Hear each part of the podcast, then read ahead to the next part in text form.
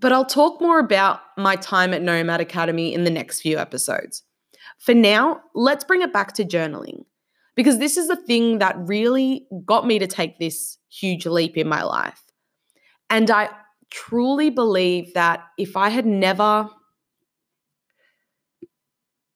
but I'll talk more about Nomad Academy in the next few episodes. For now, let's bring it back to journaling. The exercise and practice that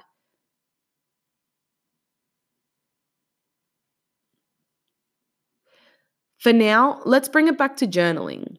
This exercise and practice that was a 14 day challenge has now that has now become a daily ritual for me.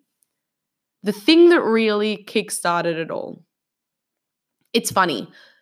It's funny when I talk about journaling or people ask or asking yourself questions, I feel like an outright wanker like a crazy person because I talk about it as though it's magic.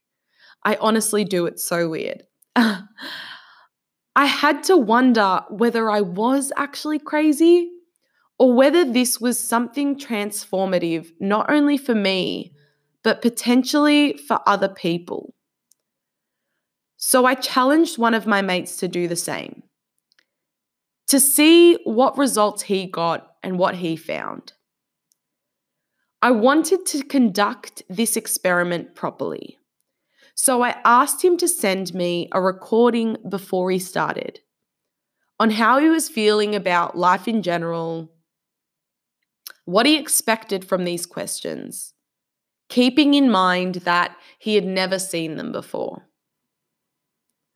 All I had told him was that I was going to give him nine questions that he would have to answer every day for 14 days and be willing to share his experience with me.